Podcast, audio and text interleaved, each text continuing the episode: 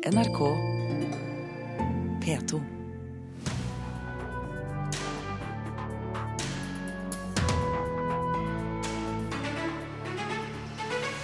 Det er urealistisk å bygge opp igjen oldtidsbyen Palmyra, sier både Unesco-ekspert og norsk arkeolog. Facebook er først ute og har lansert det som omtales å bli årets store teknologinyskapning, VR-brillene. Kunsthåndverk er trendy samtidskunst. Galleriene flommer over av tekstilkunst, keramikk og treskjæring. Dette er Kulturnytt. Mitt navn er Stine Tråholt. Søndag ble oldtidsbyen Palmyra gjenerobret fra terrorgruppen IS av den syriske hæren. Ødeleggelsene i den antikke byen er store, men sjefen for Syrias oldtidsminner sa i går at byen skal kunne bygges opp igjen i løpet av fem år. Vurderingen fra Unesco derimot er at det er utenkelig at skadene kan repareres. Professor i arkeologi ved Universitetet i Oslo, Kristoffer Prescott. Når du ser bilder fra Palmyra i dag, hvordan vil du beskrive ødeleggelsene? Ja, eh, jeg er noe forbauset over uttalelsene fra både militære og myndigheter i, uh, i, Syria. Fordi de ødeleggelser vi har fått vite om de siste året, de er der. Altså Ball uh, og Bell-templene, Triumfbuen, uh, gravtårnene, de ligger i, i grus. Og hva, hvordan vil du beskrive det synet? Altså, det er, det er, egentlig en utrolig barbari som man eh, konfronteres når man ser på disse, disse oldtidsminner som har stått her i to og to og halvt tusen år. Uh, eh, Pga. forbigående propaganda og religiøs-ideologiske hensyn. og ligger, ligger de, Altså, de ligger bokstavelig talt i grus. I, I, tillegg til disse tingene så er det omfattende skuddskader, det omfattende plyndring. Museet hvor man har hatt Eh, store mengder gjenstander. Det, det ligger i ruiner. Og myndighetene i eh, Damaskus har systematisk overdrevet hvor mye man har greid å redde unna før IS overtok byen. Ja, og hadde, de hadde kontroll over byen eh, i ti måneder. Når du ser på museet, så var det jo håp om at man der skulle klare å redde unna en del gjenstander. Hvordan står det til der? Vi ser både i Irak og i Syria så har myndighetene overdrevet hvor mye man har greid å redde unna, og hvor mye, at det var kopier som ble ødelagt. Eh, og det er tilfellet her. Og eh, F.eks. alle eh, figurer i museet med et ansiktsuttrykk, så har man fjernet ansiktet, fjernet hodene på disse her. Man er systematisk. Og det blir nesten litt komisk når man snakker om å, å gjenoppbygge disse her. Kan du minne oss litt på hva det som har gjort Palmyra til det enestående oldtidsminnet det er? Altså, Palmyra er for det første et veldig kjent turiststed. Det ligger som dronningen ute i ørken, som det omtales. Men det er også veldig viktig med tanke på kulturhistorien i området og møtet mellom øst og vest, og, og forbindelsene mellom øst og vest. I tillegg så har det en helt sentral posisjon i propagandakrigen pga. Uh, Palmyras dronning som sto imot romerne. Har eh, IS det hele ansvaret for ødeleggelsene vi ser i Palmyra i dag? Nei, eh, og det bekymrer en del. Eh, lokale militærmyndighetene til syriske myndigheter har også drevet omfattende plyndring. Det var de som sto ansvarlig for plyndring av de romerske gravfeltene før IS kom inn. Så de har selv stått for omfattende ødeleggelser etter at den arabiske våren tok til. Som vi har skjønt, du eh, er ikke enig i Syrias uh, vurdering om at denne byen kan bygges opp igjen, men er det noe som kan reddes? Ja, det er veldig mye som står igjen. Altså Amfiteatret står der, f.eks. Altså dette skueplasset for massehenrettelser uh, som IS arrangerte. Det er mye annet som står der. Men ødeleggelsen er omfattende både fra krigshandlingen, plyndringen og fra IS sin behov for å fjerne alt som sto eh, fjernt fra deres religiøse, ideologiske perspektiv. Takk for at du kom til Kulturnytt, Kristoffer Prescott.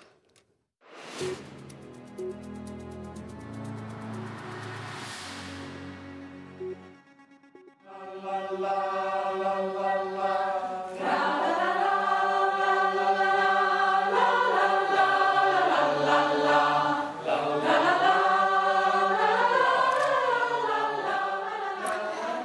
Birger Kåse Aasund, nå må du fortelle oss hvorfor vi spiller et utdrag fra Alle kan synge-koret. Bureslått fra øret er det vi hører her. Et lite opptak fra Trondheim i 2015. Jo, har tatt med den fordi at vi skal snakke om eh, om eh, folk kan synge eller ikke. Eh, og mm, spør du vennligstilte sangpedagoger, så kan alle lære å synge. Men i avisen Vårt Land i dag så hevdes det at stadig flere av oss er utrygge på egen sangstemme, og at selv bursdagssangen blir en svekket affære når store og små skal se med. Og nå går det jo mot 17. mai, og da vet jo alle at det er litt puslete. Men er folk dårligere til å synge? Eh, godt spørsmål. Eh, denne artikkelen eh, påstår noe annet. Folk tror derimot at de er dårlige til å synge. Og noe av forklaringen ligger da ifølge musikkviter Anne Haugland Balsnes at vi omgir oss med så mye perfeksjonisme og polert musikk og så ser vi på Idol-dommere som latterliggjør folk under, uh, under, forsøk på å synge. Så vi nærmest oppdras da, til en følelse av å ha dårlig selvtillit på sangfronten. Men det eksempelet som du uh, spilte av her, det er jo fra Alle kan synge. Dette, dette korprosjektet. Det viser jo det motsatte. At alle kan synge. Om de bare får litt veiledning, da, selvfølgelig. Og fra det over til podkastbølgen. Kanskje mange, for mange fristende å slenge seg på, men det er ikke så lett å tjene penger på det. Nei. Aftenposten skriver i dag litt om dette. Podkasten har jo vært eh, veldig vind i det siste, på sett og vis. Eh, om ikke så stor bevegelse, så er det i hvert fall en interessant utvikling på mediefronten. Og nå viser det seg altså at eh, selv om det er gøy, så er det svært lite penger å tjene på det. I hvert fall eh, i, i, Norge. I store markeder, sånn som USA, så kan man tjene ok hvis du har mange brukere og en, og en god produksjon. Men i Norge, altså, markedet er litt mindre, så er det ikke så veldig mye å hente. Tusvik og Tønne, f.eks humorpodkasten til Sigrid Bonde Tusvik og, og, Lisa Tønne. Den er jo veldig populær, 300, eh, i hvert fall etter norske eh, forhold. 370 000 nedlastninger i måneden. Men de store inntektene de eh, uteblir, altså. Men den som derimot nå kan tjene penger, er filmstjernen Buddy? Ja, vi snakker litt om Buddy fordi vi snakker jo da om denne elbilen Buddy, som ifølge VG i dag får en sentral rolle i den nye Hollywood-filmen 'Downsizing' av Alexander Payne, med bl.a. Eh, Matt Damon og Reece Witherspoon i rollene. Eh, nå var det riktignok så vidt at denne, denne, forespørselen gikk i den elektroniske søpla til, eh, til, Buddy Electric, men den ble reddet fra kompostering og har nå ledet til at de har samlet ti biler og seks elektriske Buddy-sykler, og så har de sendt det til innspilling i Canada. Og så får vi se om det blir en sensasjon eller ikke. Filmen spilles inn nå og har planlagt premiere i desember 2017. Flott. Tusen takk skal du ha, Birgil Kåsrud Jåsund. Facebook har eh, lansert det som spås å bli en revolusjon innen dataspill og en rekke andre former for underholdning og sport. I går så ble den aller første eksemplarene av virtual reality-headsetet Oculus Rift sluppet. Oculus Rift ble kjøpt opp av Facebook for 12 milliarder kroner for to år siden. Og dette er bare en av de første av flere slike briller som kommer på markedet i år. Jeg har fått besøk i studio av eh, Jostein Johan Gjestland. Eh, du har laget eh, spillet som heter Fugl, og dette kommer i VR-variant. Hvordan fikk du oppleve ditt eget spill i VR? Eh, jo, det var, det var, litt morsomt, for det er ikke jeg som har gjort selve konverteringen til VR. Dette er jo egentlig et uh, mobilspill som uh, har blitt VR. Og når jeg så det for første gang, så ble jeg ganske uh, hva skal jeg si, blåst av stolen. Fordi at det som VR er, da, på en måte, det er en sted, tilstedeværelse i noe som man rett og slett ikke får ved et todimensjonalt bilde, da, en skjerm. Så du kan si at det er på en måte en forskjell mellom å se et bilde av en ferietur f.eks., og være faktisk til stede Eh, i et miljø. da. Og med oss eh, fra studio i Trondheim så har vi journalist eh, Erik Fossum i spillnettstedet Pressfire. Du har fulgt Oculus Rift og VR-spill i flere år. Hva er spesielt med disse nye brillene? Nei, det her er jo ikke bare liksom lansering av en ny dings, det neste liksom teknologiske steget. Det er jo på mange måter et helt nytt medie som nå lanseres. Eh, og vi har jo ingenting som er sånn som det er i dag. Det er jo, eh, som vært nevnt, eh, litt forskjellen på det å se en ting, et todimensjonalt bilde, og det å være til stede. Og det er det som gjør det så spesielt den gangen her. Hvor viktig er det for Facebook at de nå er først ute? Det er veldig viktig. Eh, nå er det blitt et sånn rotterace ut av det. Eh, du har HTC eh, kommer med sin variant om ja, det er bare et par uker. Eh, Sony lanserer sine egne. Eh, allerede har Samsung en variant som riktignok er i samarbeid med Oculus og Facebook. Eh, og Google har lansert en sånn eh, litt mer primitiv versjon lagd av papp, som faktisk heter Google Cardboard. Så det er veldig mange som melder seg på race akkurat nå. Og da er det rett og slett om å gjøre å være først ut. Først ut, men kan jeg bare gå i butikken og kjøpe meg disse brillene nå? Nei, det kan du absolutt ikke. Er det ikke typisk? Det er veldig typisk. Eh, og det har vært eh, veldig lang kø både for å få de første prototypene. Du kunne bestille dem hvis du var en utvikler. Eh, men eh, hvis du bestiller noen på nett i dag, så må du nok vente til høsten før du får dem. Gjestland, eh, hvilke utfordringer eh, byr denne teknologien på når, når det gjelder spill? Vi skjønner jo at det er et gode og at det er spennende, men Ja, det er fryktelig mange utfordringer. Bare. Altså, det er noe helt annet. eh, fordi at um, det kan være veldig ubehagelig med VR. Altså Akkurat som man kan bli sjøsyk eller bilsyk, så er det samme mekanisme med VR. Altså at når stimulien ikke matcher det du selv opplever, det mentale bildet du selv har eller får, så blir du syk, rett og slett. Så dette er jo på en måte ting man må tenke rundt, og tenke nytt rundt i forhold til spill. Så det er mange av de spillene som på en måte i dag er veldig store, som skytespill og sånne, sånne ting, som ikke nødvendigvis fungerer så godt i VR. da. Så det er på en måte en helt ny måte å tenke på, men også ny, med masse nye muligheter uh, i forhold til hva man kan få til uh, å gjøre, og hva slags opplevelser da, man kan gi, uh, gi spilleren. Fossum, ser du også disse utfordringene? Ja, absolutt. Eh, en hel haug av de første spillene og, eh, og opplevelsene som har kommet til de tidlige prototypene, har jo prøvd å takle litt av de utfordringene som har vært. Eh, og da har de jo ting som eh, sånne veldig bratte eh, overganger til nye scener og sånne ting. Eh, fungerer ikke i det hele tatt i VR. Eh, og hvis du da også tar med bevegelser for eksempel, som er veldig unaturlig for deg som person å gjøre, så kan du eh, rett og slett bli syk. Og det er ikke en god følelse i det hele tatt. Ja, tror du det også er en fare i Oculus Rift? Ja, det er nok det. Eh, Det er litt sånn som eh, med tidlig film, da. Eh, At det er mange, det er mange hjørner som skal, som skal rundes før du liksom har løst hele den problematikken. Og med tidlig film også så du jo veldig mange som liksom ikke hadde skjønt helt at toget som kom inn på perrongen, ikke kom til å styrte inn i kinosalen. Og du vil liksom få litt sånne utfordringer med folk som aldri har prøvd VR før, som ikke nødvendigvis vil være eh, så godt mottakelig for det. Da. Men er dette kun for spillbransjen nå man kan vente seg en revolusjon? Nei. Det, her har du ganske mange andre applikasjoner for det. Eh, du ser allerede at BBC for eksempel, lager dokumentarer i det. Eh, du har hele den, den 360 graders synsvinkelen, da, for du kan jo, du kan jo faktisk snu deg rundt. Eh, og ha også en viss grad til, til det som kalles for room scale VR, hvor du kan reise deg opp og gå rundt i en virtuell verden. Eh, som jo åpner opp for en hel del eh, nye ting. Eh, du har jo trening med simulatorer, vil, eh, vil jo bli eh, langt bedre med den teknologien her. Men også sånne, sånne ting som liveoverføring fra sportsarrangement vil, eh, mener jeg da, få en liten revolusjon her.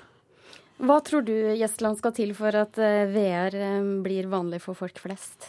Altså Det tror jeg kommer til å skje uansett. Det er bare et spørsmål om tid. For dette er på en måte et helt nytt paradigmeskifte innenfor eh, medier. Altså dette er, Det er som stereolyd eller Altså det er et helt nytt medium med sine nye muligheter, som på en måte kommer til å gi veldig mye både f.eks. For, for TV, live-TV og sånne type ting. Sammensmelting av spill, TV-medie, film. Um, uh, så det er veldig spennende. Og Fossum, når tror du vi får se dette? Eh, Nei, nå er det jo helt i starten, eh, og da er det veldig ofte at det er de, eh, de entusiastene som liksom hiver seg på det først, og er de early adopters. Og det er jo ofte de som også tar regninga. Så du må jo, hvis du ikke har en god nok PC til å kjøre det her, så må ser du nok på en investering på rundt 20 000 bare for å få prøvd det. Eh, nå vil det komme litt mer sånn eh, konsumentvennlige priser mot slutten av året. Men det er litt som med mobiltelefon da, og litt som med flatskjerms-TV. er At eh, Prisen vil synke. Formfaktoren vil bli mindre og mindre. Og det vil bli lettere for folk flest å få tak i det. Tusen takk skal du ha, Erik Fossum og Johan Gjestland. Du hører på Kulturnytt, og klokka er snart ti på halv ni, og dette er nyhetsoverskriftene denne morgenen. Politiet i Hordaland er pålagt å legge vekk vinningsforbrytelser. Nå når det er knapt med ressurser, skal ikke politiet etterforske forbrytelser som ikke har ført til personskade eller store verditap. Fremskrittspartiet trekker, seg, trekker til seg færre velgere på innvandringssaken enn, politiet har, enn partiet har gjort tidligere. Det viser en undersøkelse fra Nostat som de har gjort for NRK. I USA har politiet klart å låse opp iPhonen til terroristen som skjøt og drepte 14 mennesker i California i desember i fjor. Apple har nektet å hjelpe FBI med å få tilgang til telefonen. We did not expect to be in this position. Dette er Tim Cook, sjefen i datagiganten. For Apple har kjempet med nebb og klør for å slippe å lage et program som skulle la FBI bryte seg inn i terroristens iPhone. Grunnen er at de ikke vil gi FBI eller myndigheter i andre land muligheten til å bryte seg inn i millioner av telefoner dersom de vil det. Men Justisdepartementet i USA opplyser nå at FBI med hjelp utenfra har lykkes å komme inn på telefonen til terroristen Syed Farouk, som sammen med kona skjøt og drepte 14 personer på en julefest i California i desember i fjor. Og reporter her var Tonje Grimstad. Da skal vi over til stavangerkunstner Elin Melberg, som arvet store mengder garn da mormoren hennes døde, og nå bruker hun det til å lage kunst. Arbeidet føyer seg inn i trenden der unge samtidskunstnere jobber med søm, keramikk og treskjæring. Det er en motreaksjon i kunsten som ellers i samfunnet, mener mange eksperter.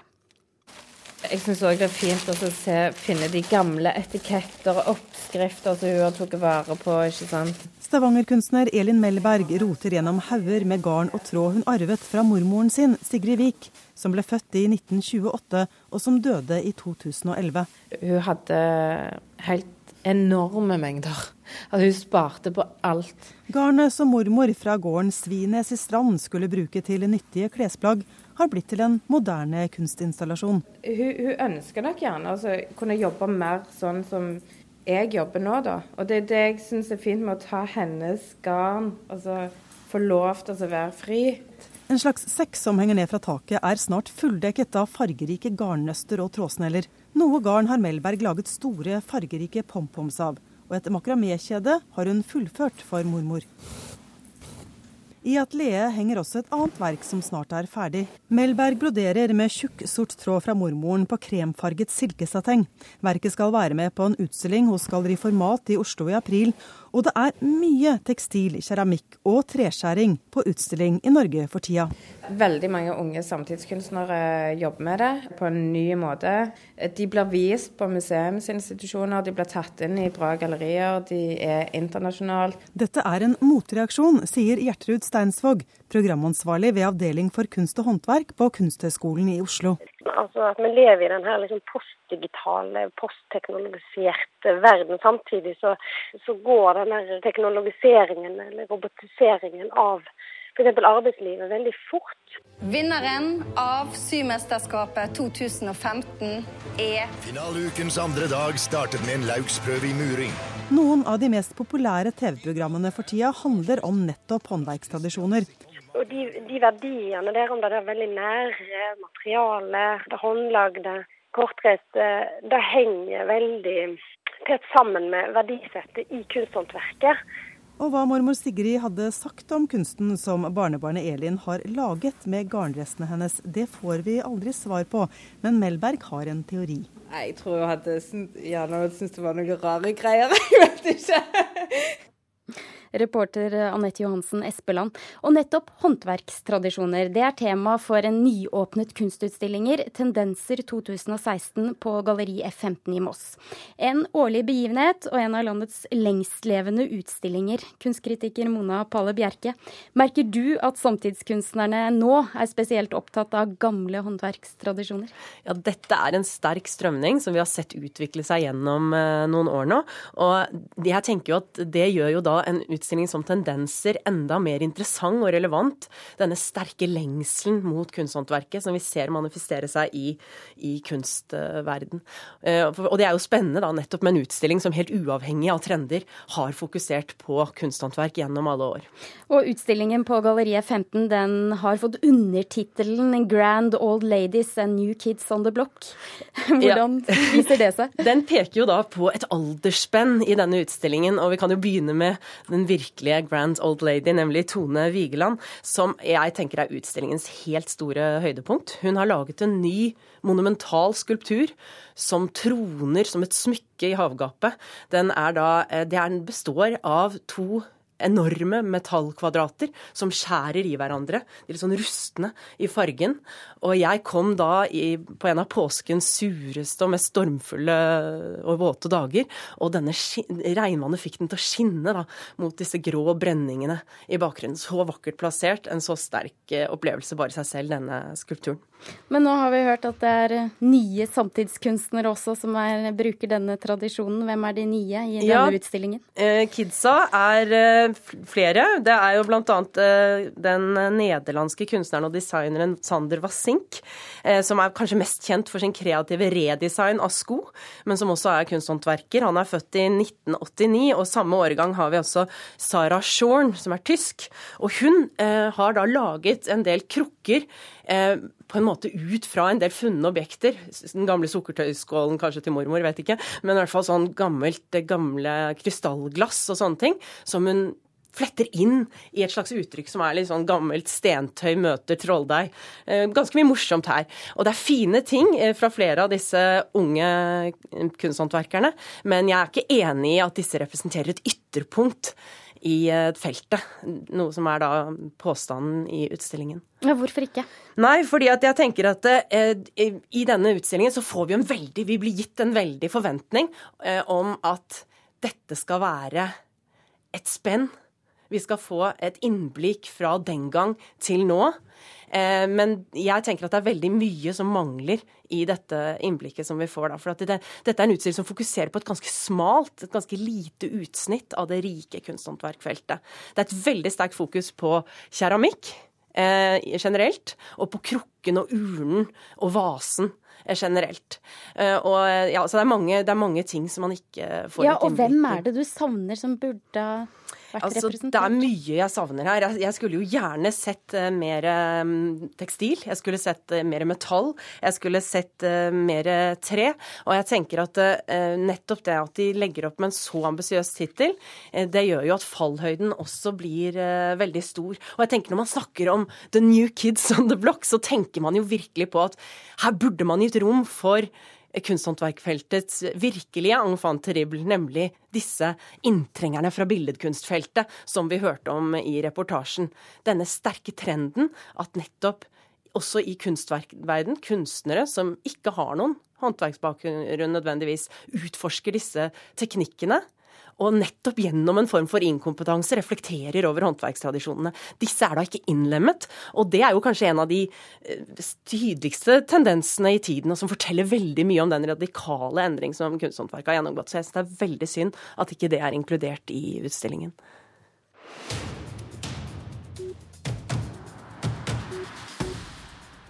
Joiker skal nå tas vare på for kommende generasjoner. Det nystartede arkivet Joigas i eh, Kautokeino skal samle inn joiker fra hele det samiske området. Og joikene skal gjøres tilgjengelige for både skoleelever, forskere og kunstnere.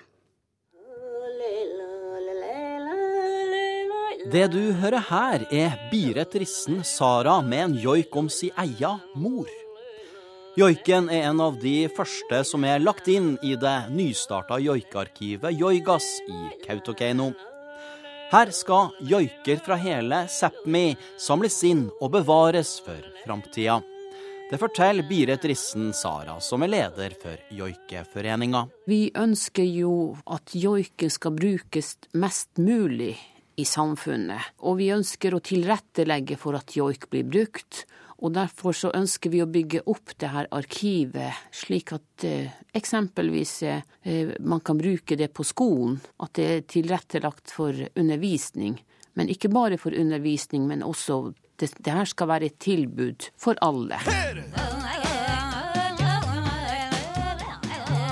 Vokalist Sara Mariell Gaupe Bjaska, kjent fra band som Ajagas og Arvas, har joiken som det sentrale elementet i sin musikk. Hun hilser det nye joikearkivet velkommen.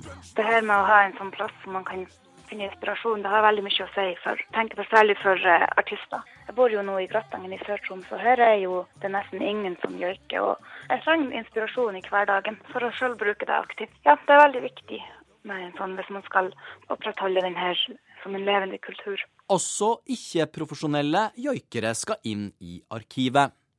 Ved Høgskolen i Kautokeino er det rigga et profesjonelt studio hvor det skal gjøres opptak av joikene. Det forteller arkivar Grete Bergstrøm. I det studioet kan enhver person som ønsker å gi en joik til ettertida, eh, eller til sine etterkommere eller til andre, komme og gjøre et opptak. Og det er veldig fin lyd i det, sånn at det blir mye bedre enn hvis man gjør det på mobiltelefon eller hva som helst.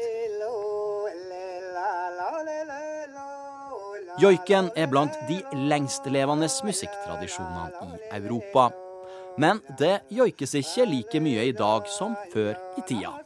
Desto viktigere er derfor joikearkivet, mener Biret Rissen Sara. Joik er samenes musikktradisjon, og det er noe vi skal være stolte av, det er noe vi skal bruke, og det skal være en del av oss. Reporter Rune Norgård Andreassen og Gjermund Jappé var produsent for denne sendingen. Nå venter Dagsnytt.